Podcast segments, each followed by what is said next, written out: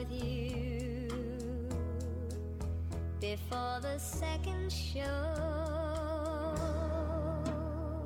Ta i folk ordentlig, ordentlig, ordentlig gärna vilja vera okkur slä av influencer Alltså ta vilja lukka som kommer här tid Är det kan kalla sig själva influencer, så? Okej. Av Facebook eller Instagram Så är det samstarv? Ta er det Nei, ikkje samstarv det er meira at du røyner at interagera vid dina filter så du istället for å si gledelige posture og heter mynden av okkara døver eller whatever så sier du eh, i morgon börjar vi dagen vi eh, heima bäcka om bollen och sådana mynter og sånt Hvordan jeg halda tid påska i år, yeah. viner og sånt. Yeah.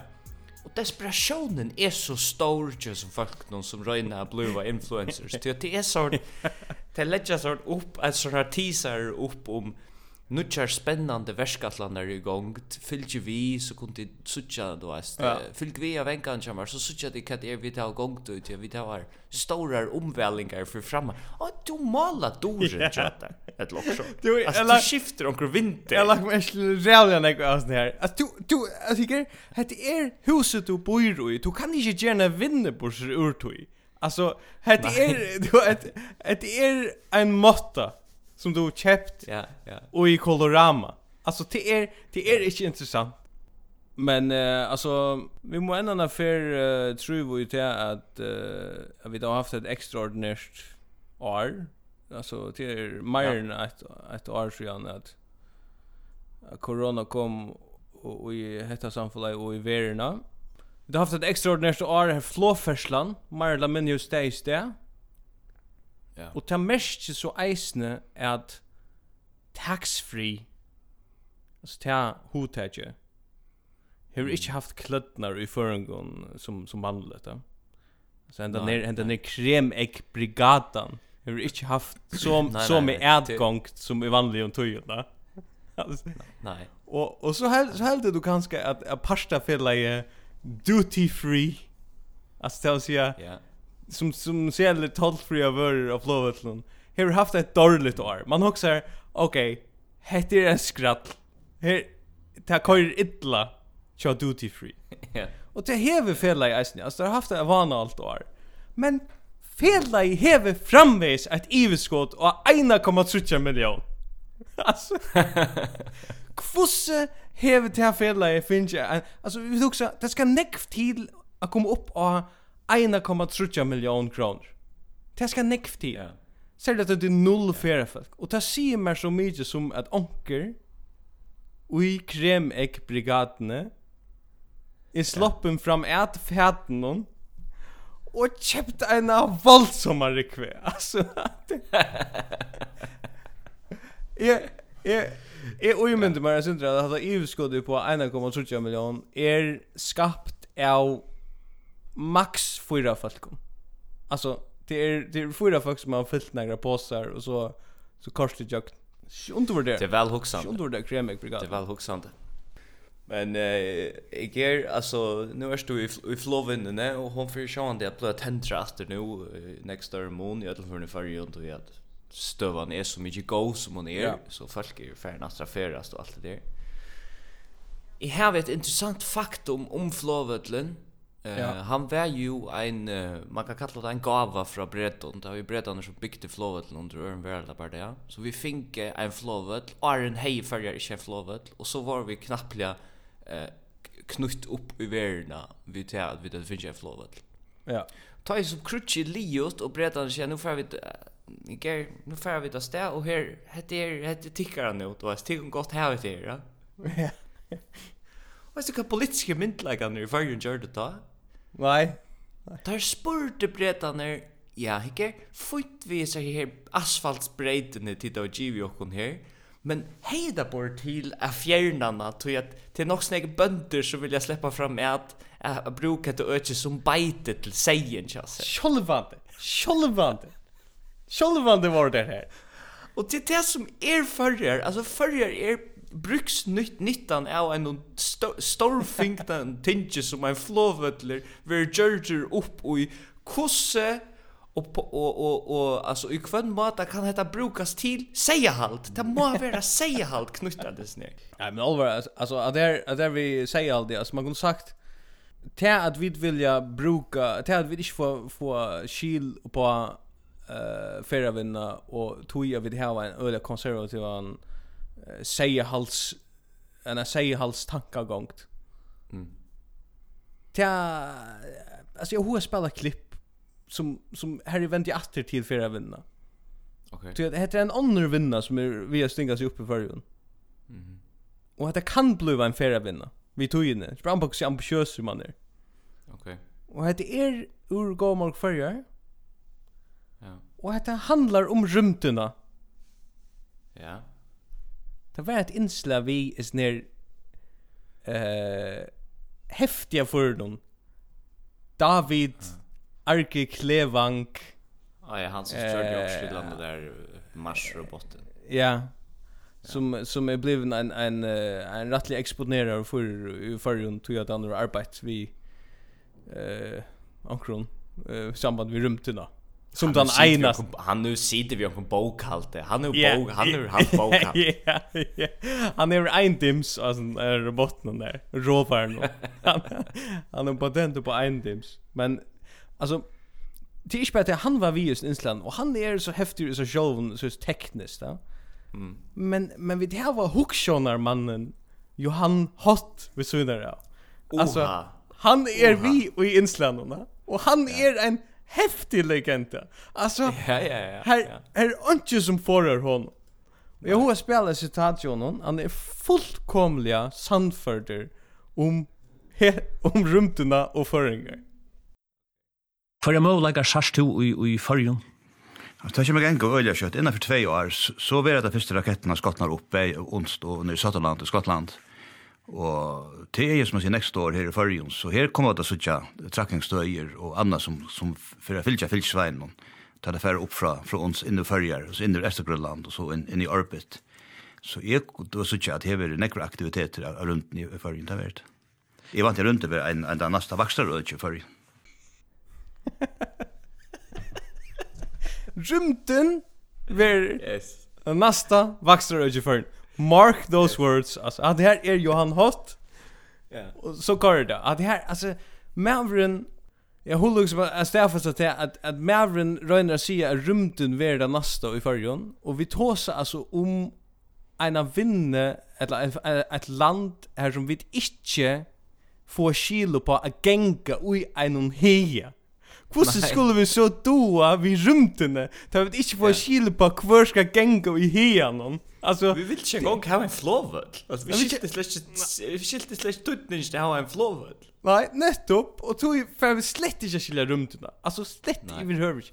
Vi talte att vi vet inte en gång att orbit är för några. Och det här stöjen han nämner i Hetlandet. Ta annan man inte skör. Nej. Är det gøy? Att det är, att det är, Johan Hott, han är han som behöver testa alla vinnegreinar som överhuvud kunde huxast att uh, att existera i förjon och och och hur så finns ju näkrar uppa stanta på sjur toja. Är det för han googlar bara Nick. Ta det är också något så googlar han bara. Han är öliga nek vi nu i toja riton av James Ja. Alltså han är inte nek in i norrlus.f han är mer in i toja riton. Och från Boston. Att som att som är öjliga lengt veck från rymdene och öjliga lengt veck från från rymdar voicent till er sambandslockaren.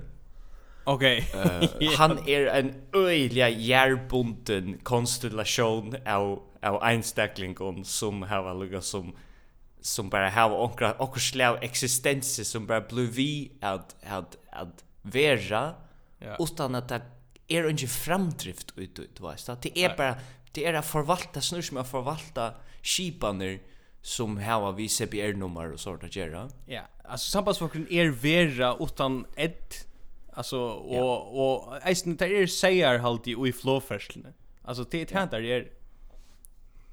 Och ta gång inte samma sambandsflaskan.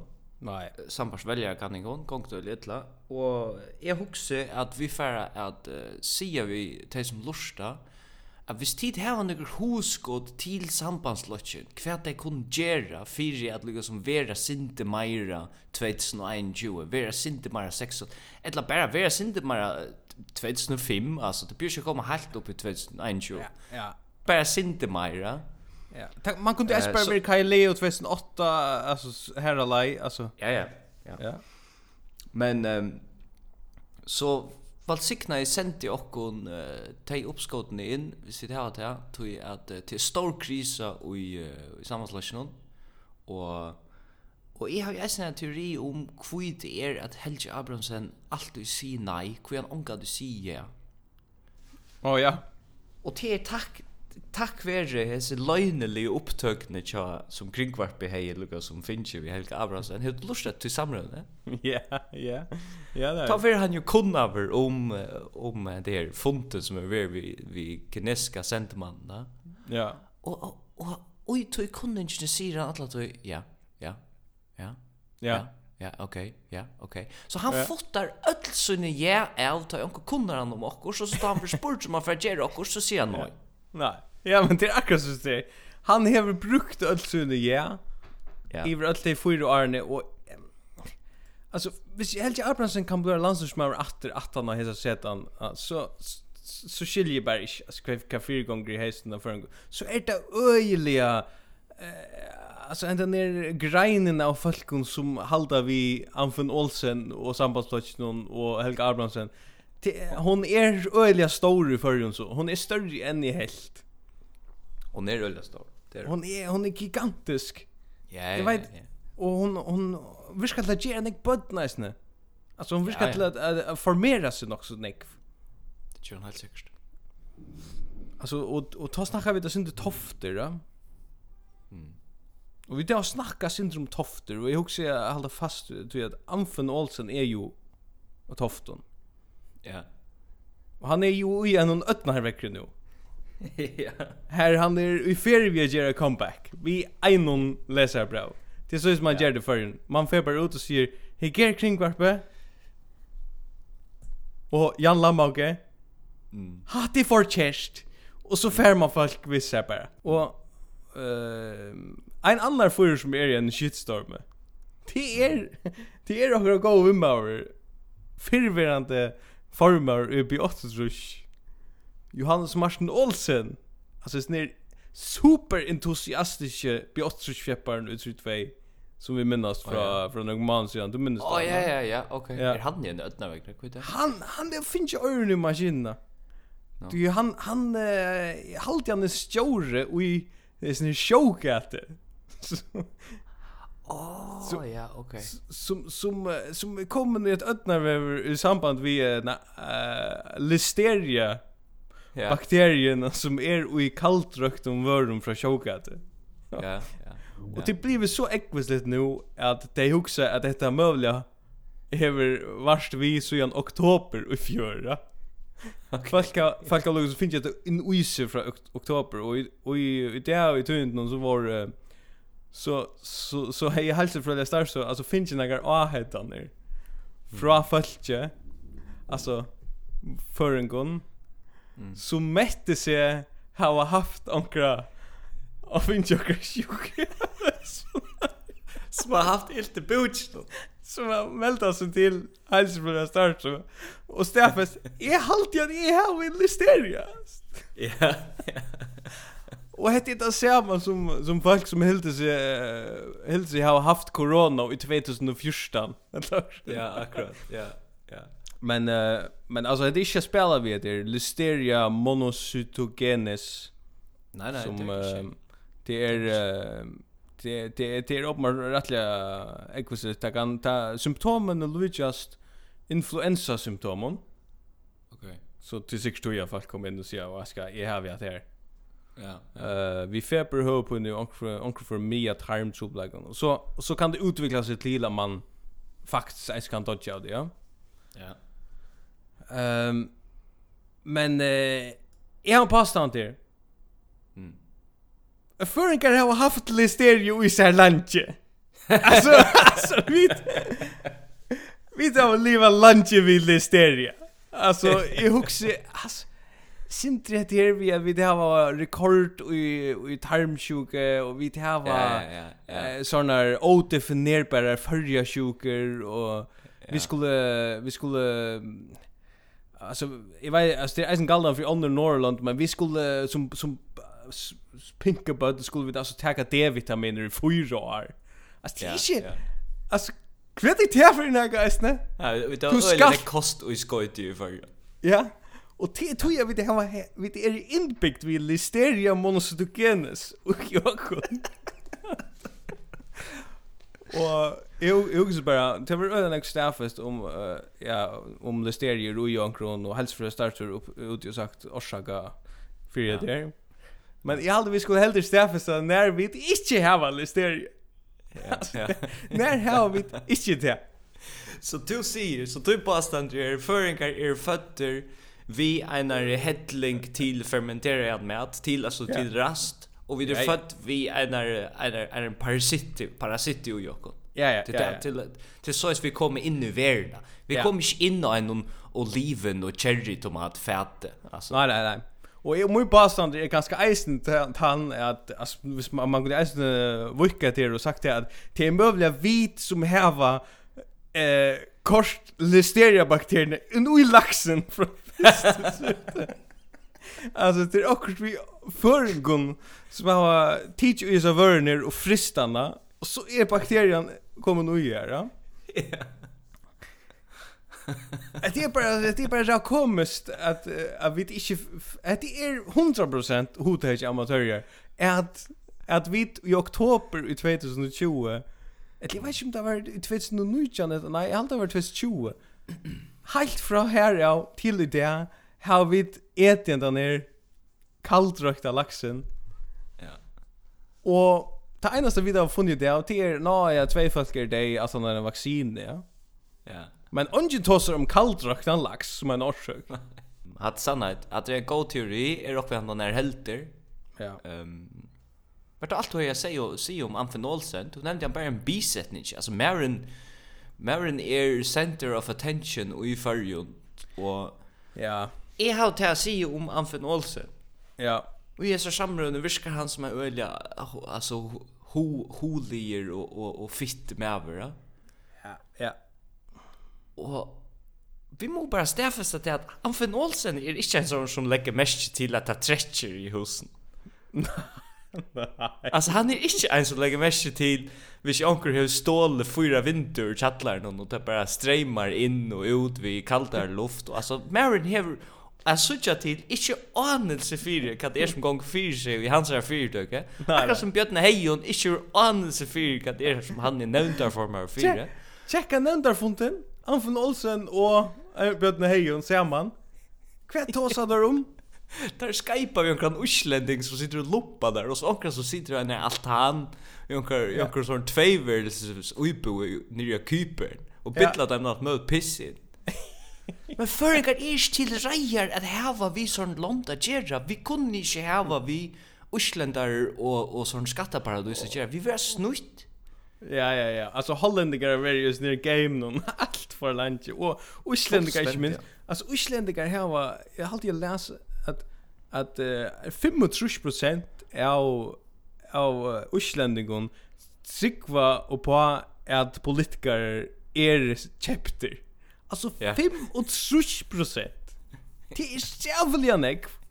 Alltså det Nej nej alltså vi vi kallar vi kallar Island okra okra brör, bröra eller syster showa och mm.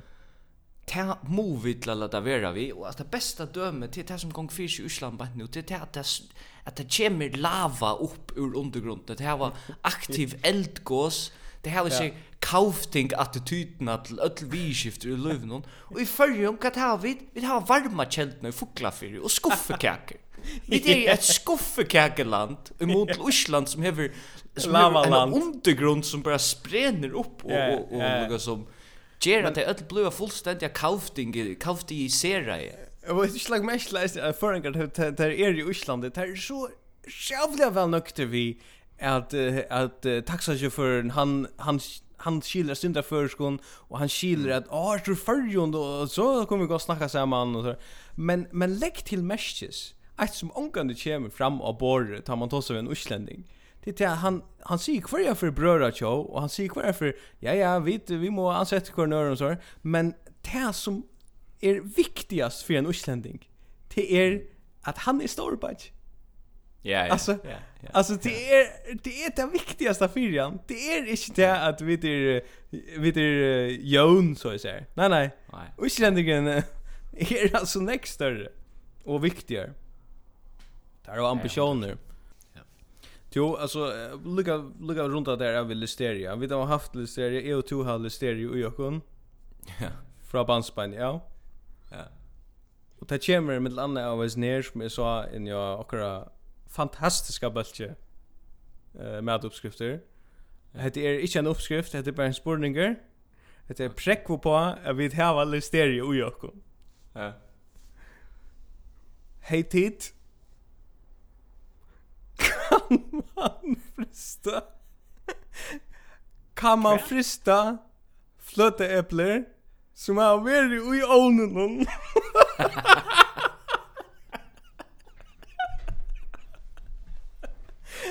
Hey dit. Kan man frista fløteepler som man vil jo i Odenon? Det kan man inte nej.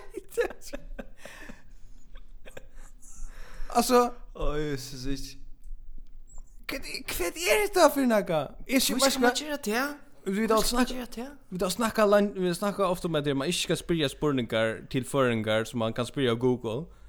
Och men men här och här som för någon är det faktiskt det här hatt hitan hatt en av de få spurningar man bara kan spela föringar. Jag också finna jag svär Google på det.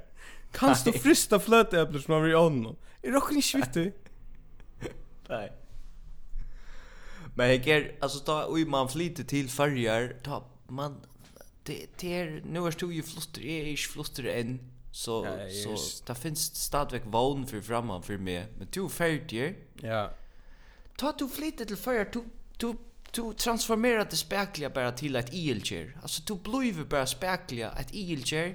eller också yeah. annars sort showgattes liknande eh yeah. skapningar. Villisteria. Ta villisteria sjön. Ta bästa dömet till er och gå Heini skorne. Vi där vi nu är film men men jag husar vi skulle lika vänta snär efter. Ja. Tui ena fer, alltså för 15 20 år sedan så stod han så stod his marriage his super intellektuella kapaciteter i Jokon som som uh, som vi inte har så där nekvar av. Han stod god hjälp med nya västar och Oarbacka vi marsche mellan Israel och Palestina och röpte ruiv hentan muren nier. Vad gör han nu det? Han sitter i en bil i tomgångt utanför höllna sig och säger öppna hesa höllna. Alltså, det är, det är en transformation från att man har varit i världen till att man säger jag ska in i så handbollshöllen och det ska vara nu. Ja, ja, och att att det här för ett entetag och akvarium på det fram till att Israel Palestina ströj är ja. Det är att simpelthen sövan om henne skorne det är falle tja henne henne skorne. Hon må endetägas in till att han reiser sig åter. Ja, ja. Men ta, ja. men ta, jag vill så lycka att säga att färjar kan, alltså, kjolt i myrskaste kroken och i färjan, kan ta hända att man kan resa sig åter och söka positiv positiva server. Tui att nu får in en hacktull. Mhm. Det visa, stölne visa att 2,6 folk er flutt til Sorøytna for hverje tusen folk. Ok. Og det er næst størsta tilflytingen i landen. Vi har tilflytting i Sorøytna. Har vi det? Det er utroligt. Ja. Ja. Og det mest bare, vi skulle vi vi vi vi knalla altså vi vi køyra totalt harst av i kvantiteten nu. Vi skulle bara ha så nekk folk som gjør det till förr. Och det være lukka mye om det intellektuelle kapasiteter eller ikke, Det skal bare være nekk folk. Kom nu bare, nekk folk. og det er så vi vi hooks angående om kvörre flottar til Sura. Det kan være fucking lukka mye. Ja. Tu att jag jag hur så där så där spårar vi eh dömekraften och just nu faktiskt som har flott surötna. Ikkje tu ikkje tu jag hade så i surötna är är fakt av vara och men men akkurat hesen setningen hade jag var var jag sammer. Og i sure er lotfallslig størst lotfallslig störste växtrun Og i hove och i hove? Ja. Hva kan man gjøre i hodet? Så, jeg kan ikke minne om skola. Å, jeg skjønner. Det er inne klart det. Du her byggva da, fyra folk flere nu enn for en år siden. Og det er, det er lotfastliga som man ja. öra gärna vill vill häfta sig att det för. Ja, ja, så. Men så ständer så ständer det att säga det. Och nu nu nu kommer vi in då ett ett chatni och ett chokum. Eh Annars ser, er det særlig og i vage at folketallet vakser. Så her er det vakser 33 folk. eller 2,4 prosent, så nu bor 1308 Nu bygger 1308 folk i vage. Ja, yes. Men godt sier der, altså... Hette er altså folk som færa ombord av et skip som er vi er søkka. Altså, det er nok så cool. Altså, det er sindesøys eh apokalyptiskt på ett eller annat Alltså du menar surrogen är det cheap som vi har söka. Ja, surrogen som helt men men men uh, mer specifikt Voxpikt är alltså ordentligt det här cheapet som är av det att alltså Skiparen är långt och färden, alltså borgarstjärn är långt och färden är av skipen, va? Ja, ja, ja, ja. Alltså han är där gott nog, men han fall. Så Jeg vet ikke, jeg halte at det er, altså, det er eisen vaksia tvørere, og sin kjel til famjen, og kvalpa og så, men altså, hette her, hette blir, hette blir så ikke godt ut i sur. Jeg helt annars at soringar, og i rettelig lenga tui, han var se, lukka som skriften av vetsjen, altså, han var se, at det ber bare ein ve, og och vi vi fer spekli under at avvikla så ödna. Vi stäfesta till att hentan en er är öläkt från ödlen hin ödgen.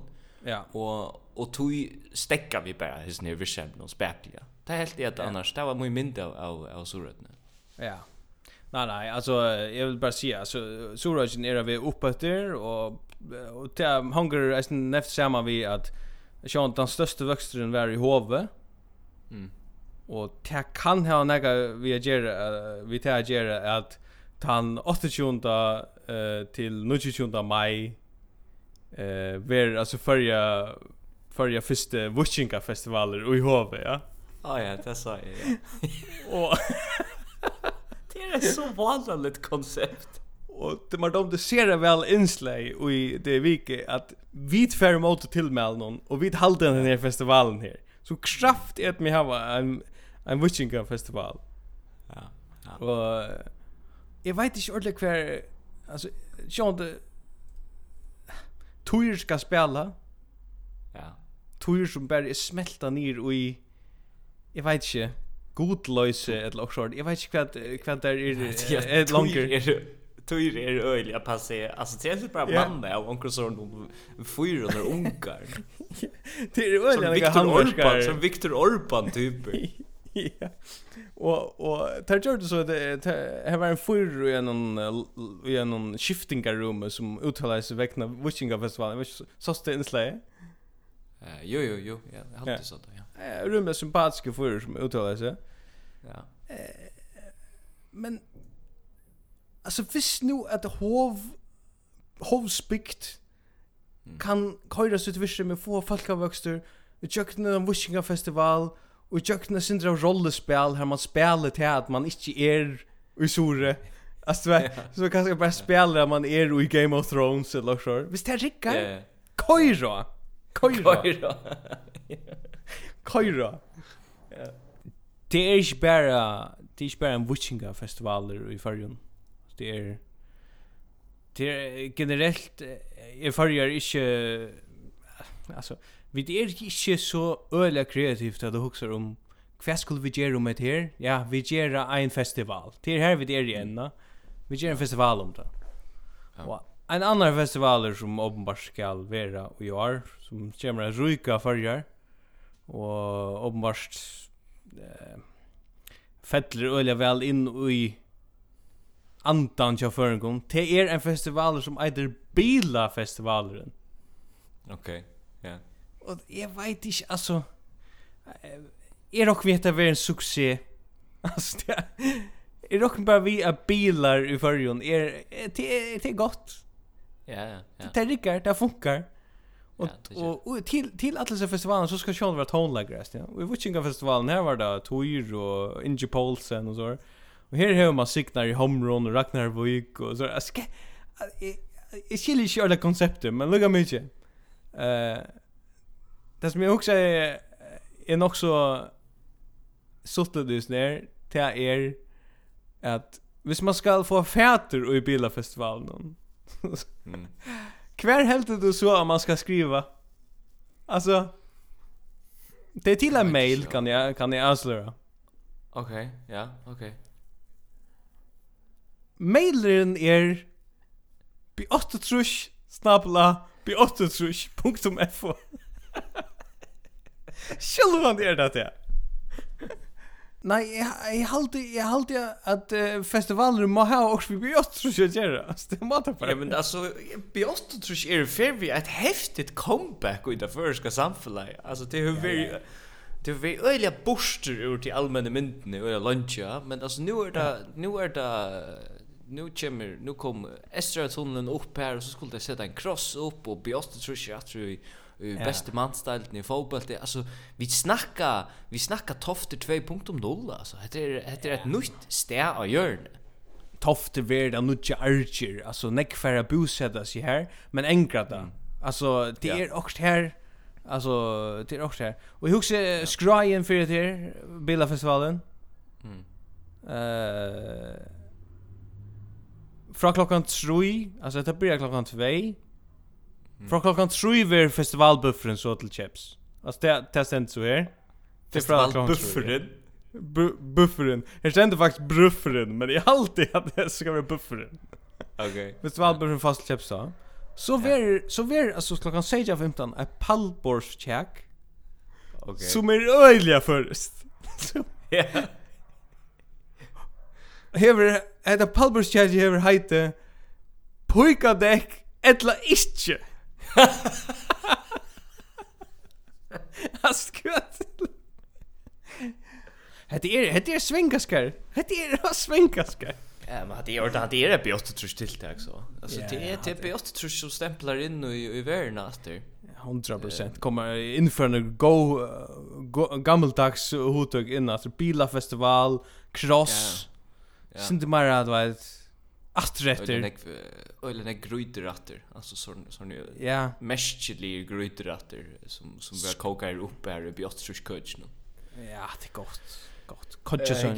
Kutchson. I morgons i morgons sa är att och en av åkar gå tyrlon en helikopter som som Atlantic Airways äger flöj negrar negrar typer upp på en fjällatopp så tar hon standa skoj om man är i fjällen Okej. Okay.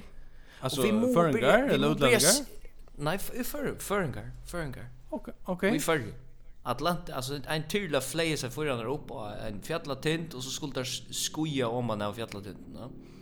Ja. Vi må börja sätta några barrikader upp för försäljning och sån här vischem nu. Tror att visst det är en visst ett folka lukar som en folka ande som inte skal etablera sig i förrjun så är det sån här afterski folka ande vi skulle inte ha så här så här farve glädje chetelstraktnar som som gänge solbrillon och och och dricker isa kaltar weissbier och hålla sig väl Olja normaver.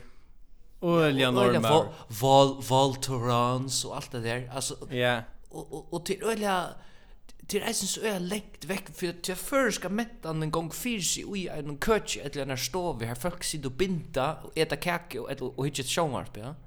Ja. Vi skulle ha meira te meira bila tiltøk, kjøp i 8 trus, og ja. nekv minne sort valtorans uh, virkjeme vi, ja. vi typen men, som leia en helikopter. Varta et vart hen, come on. Var det han? Nej, jag jag har inte var det. Jo. Jag har inte. Jo. Jo, han var det. Det kan det kan för. Det kan för. Han var det. Han han var det eller han var det här. Alltså han har också svigheter skoj afterski virsemme. Du alltså hvis vi då finns ju sound august till varje så får vi då få afterski.fo. Och det är en mint av Edward Hen och och försvinner stor plakat vi är ner skoj någon som har så här blått Och ja, ja, ja, så är det här där reflektera blott. Ja. Men det är så jävla CBS är det här stannar skoj. Det är så extremt CBS ja. dominerar vi med.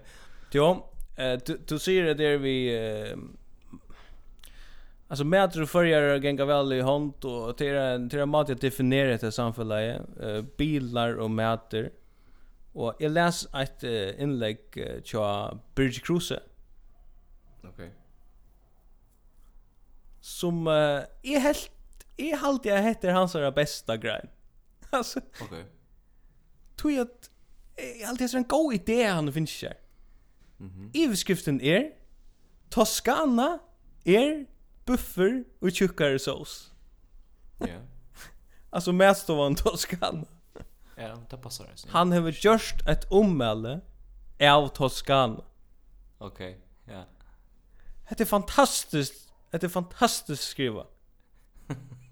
alltså jag har alltid har menat det som man skriver, men man kunde inte lista rättliga sarkastiskt. Okej. Okay. Han han han skriver med landet här eh uh, uh, alltså han nu finns en rätche cocktail. mm. Det är som är ofta för en rätche cocktail. Det är bara alltså det är bara något så standard rätche cocktail. Så för att vi är till åter till en en en bättre ver Ja. Och han skrev eh han skrev alltså bäntar en hösrat och så säger han så kommer buffern av bor. Fyrir var en buffer i fyrsta lei storer, så han kunde hver einstagre velja om han skulle være jøgnesdoktor medium eller rare, som en som medium, medium er så rare av føreskom male at vi enn ikkje hava underheite for hese tilgjer, en hampeliga velstaktan, etla lydestaktan, holdstaktan, etla Halvroan buff. That is indeed rare i orabotjene som vi tar fram i borren og kølna og telefonen.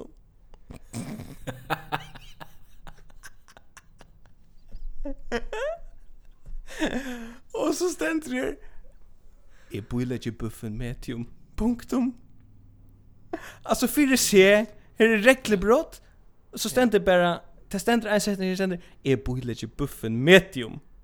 Han kör. Det er ett iskinga. Yes, yes. Det är iskinga sound där. Och og så stendur telefonen er nu så kølna at hon er pura avlöd så ungen vind kan takast.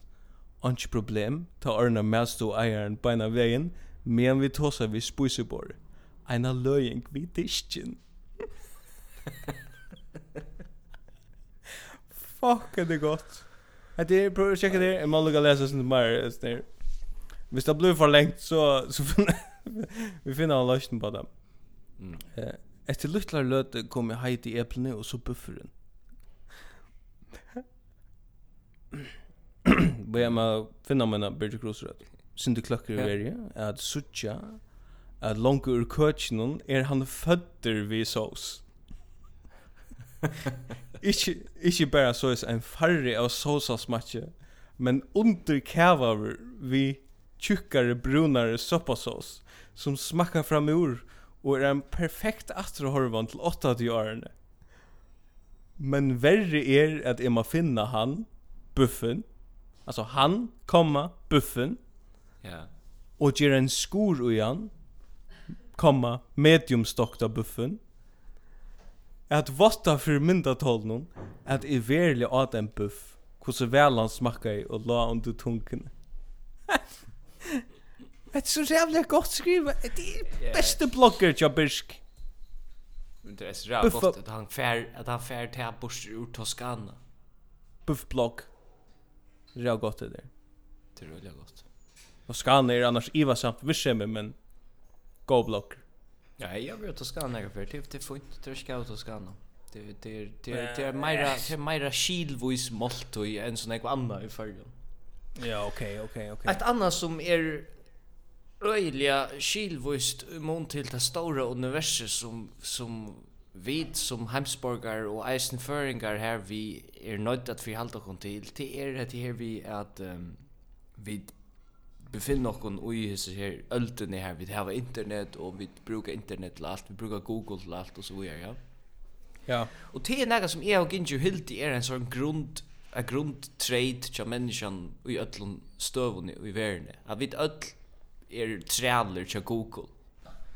Men så ja. sa jeg at det var onkur som hefur mett eina tænaste, eller eina så jeg vet ikke hva som, en, en søtje motor som det heter, som heter leita.fo. Kjenner du til det? Nei. Nei.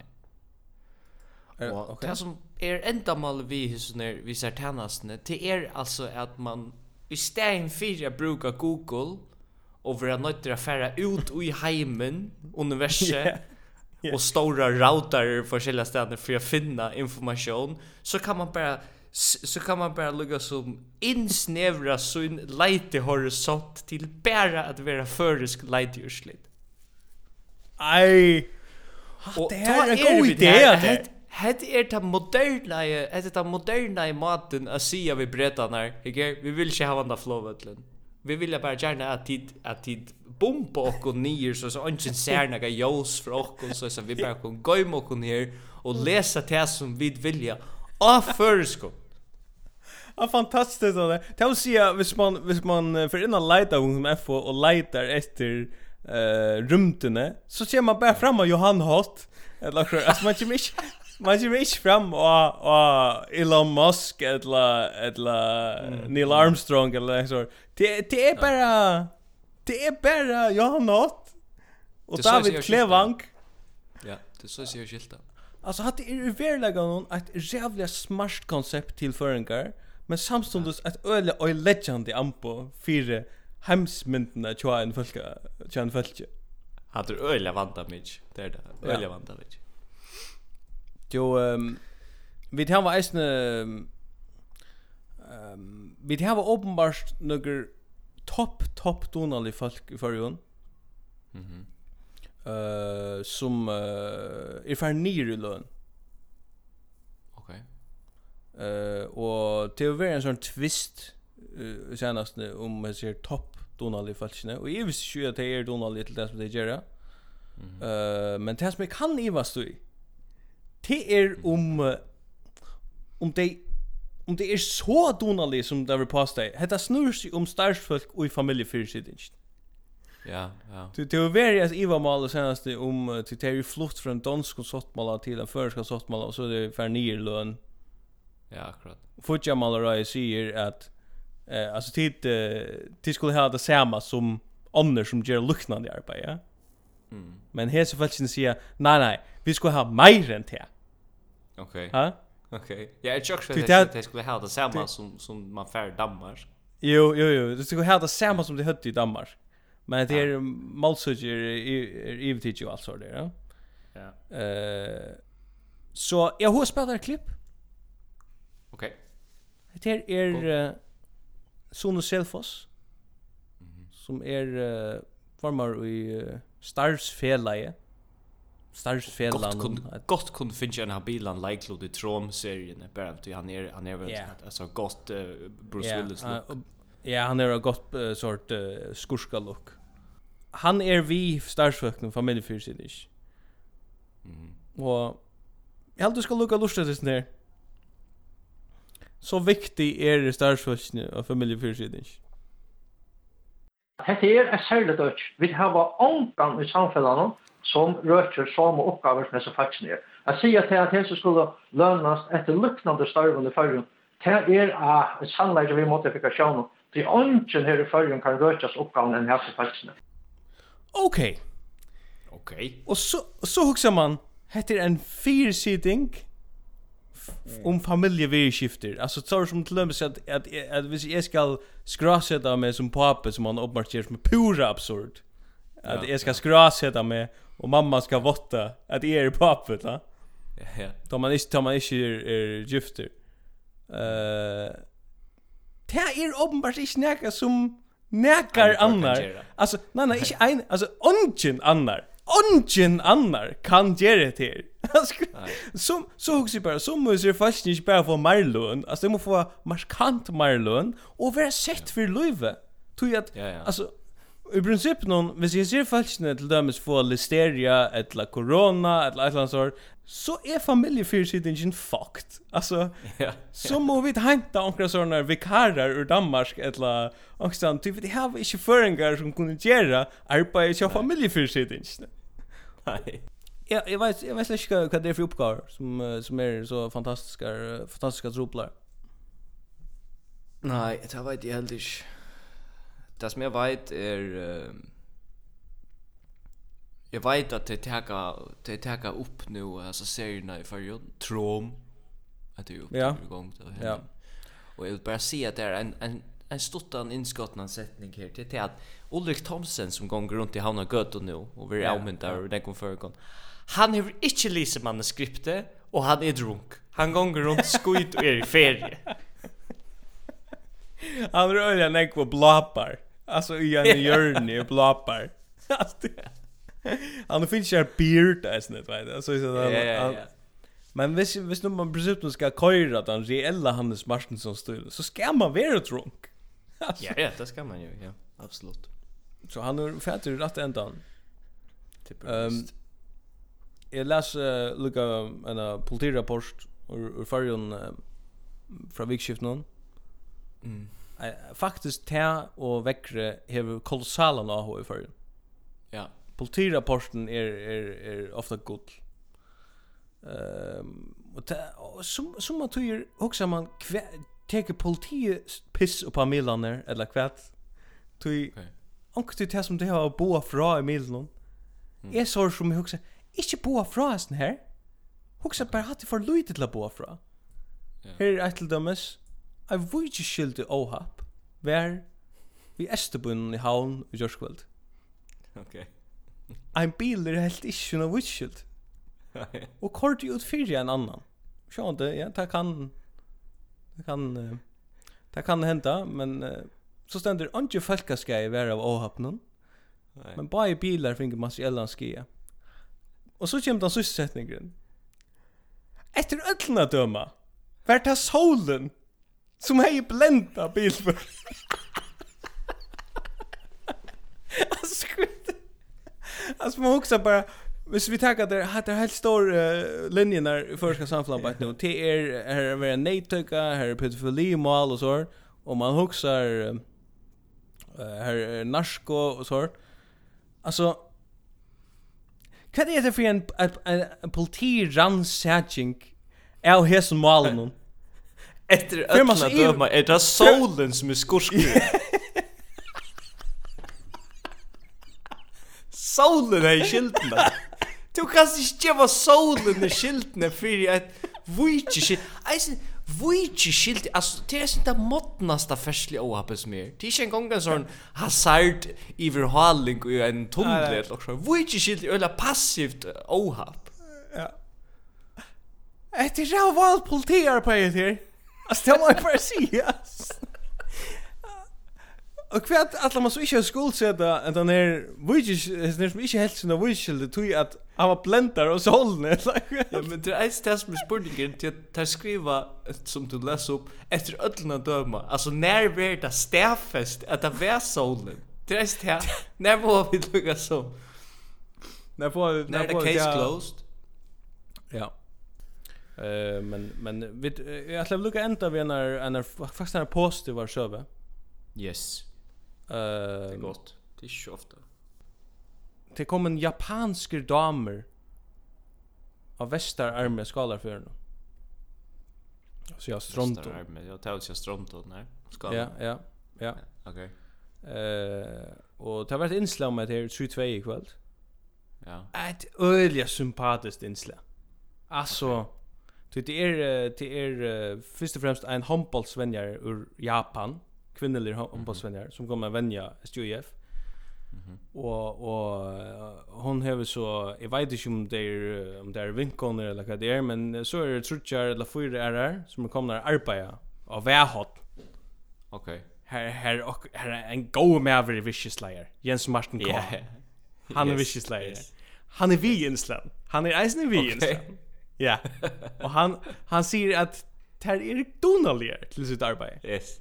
Ja. Yeah. Och ehm um, Hetta er alt positivt. Eg halt ja vi skulle hava meira japanskan dam iver alt fyrir. Altså Japan er så fett. Altså Japan er så rævliga fett. Eg skal til Japan. Eg vil til Japan. Skal her kjøtt. Ta i alt opnar at så fer til Japan. Men uh, ett så som kanske är er synder patroniserande allikevel. Det är er att ojes inslanon så jag vet inte om det är patroniserande eller bara siande om för föringar. Mm. Det är att det blir vi att säga några män som säger det är så ja, det är så alltså det säger om alltså, japanska kvinnor. Det det är så det är så höfligare.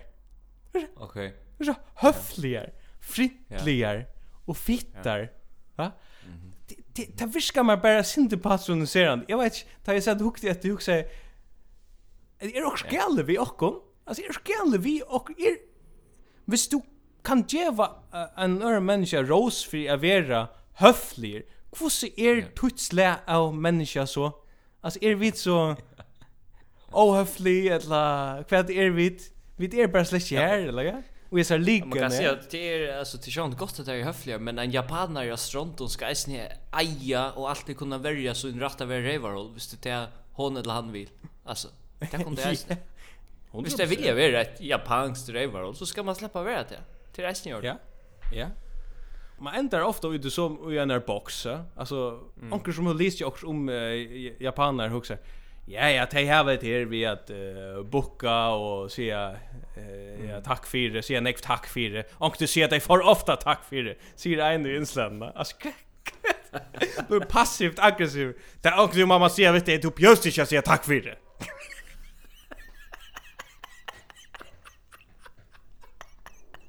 Det säger en i inslända. Jag glömde det. Alltså ja. Men lukka mig inte, jag vill ha meira japanska dame i förrjun. Jag har alltid, uh, jeg har alltid det er så feit land. Jeg vil på det. Vi har det vi kvälla var i eisne, det här kunne vi gott uh, koppla yeah, samman. Ja, ja. Det är säkert någon lösning på att det är listeria. Det är ett annat kan roa en fisk här i. Så det, det borde jag ha gått stort. Ja. Kraft är ett mer vilt land, det man säga. Yes. Okej. Okay. Jag har alltid vi för ända. Det är det vi säger. Ja så en innerlig avheitan av FSF och bara ladda vara kipa för flera domar ska ju. Det har vi så ändå game mot ändan. Senast tøyina er sendt her, en slutt stoppe, senast tøyina er FSF kipa for 3 mot domar skajen, og til samans 90-20 90 domar hava lutit. Nu er det ikke flere folk her ute som kunne være domar. Nej, nej, nej. Fæle greier, vi uh, vana over rumten nastfør, men uh, annars så høres vi bare. Färjar och rymden. Yes. Ta, ta, vi gör en special om det här. Det gör det. Alla Bye.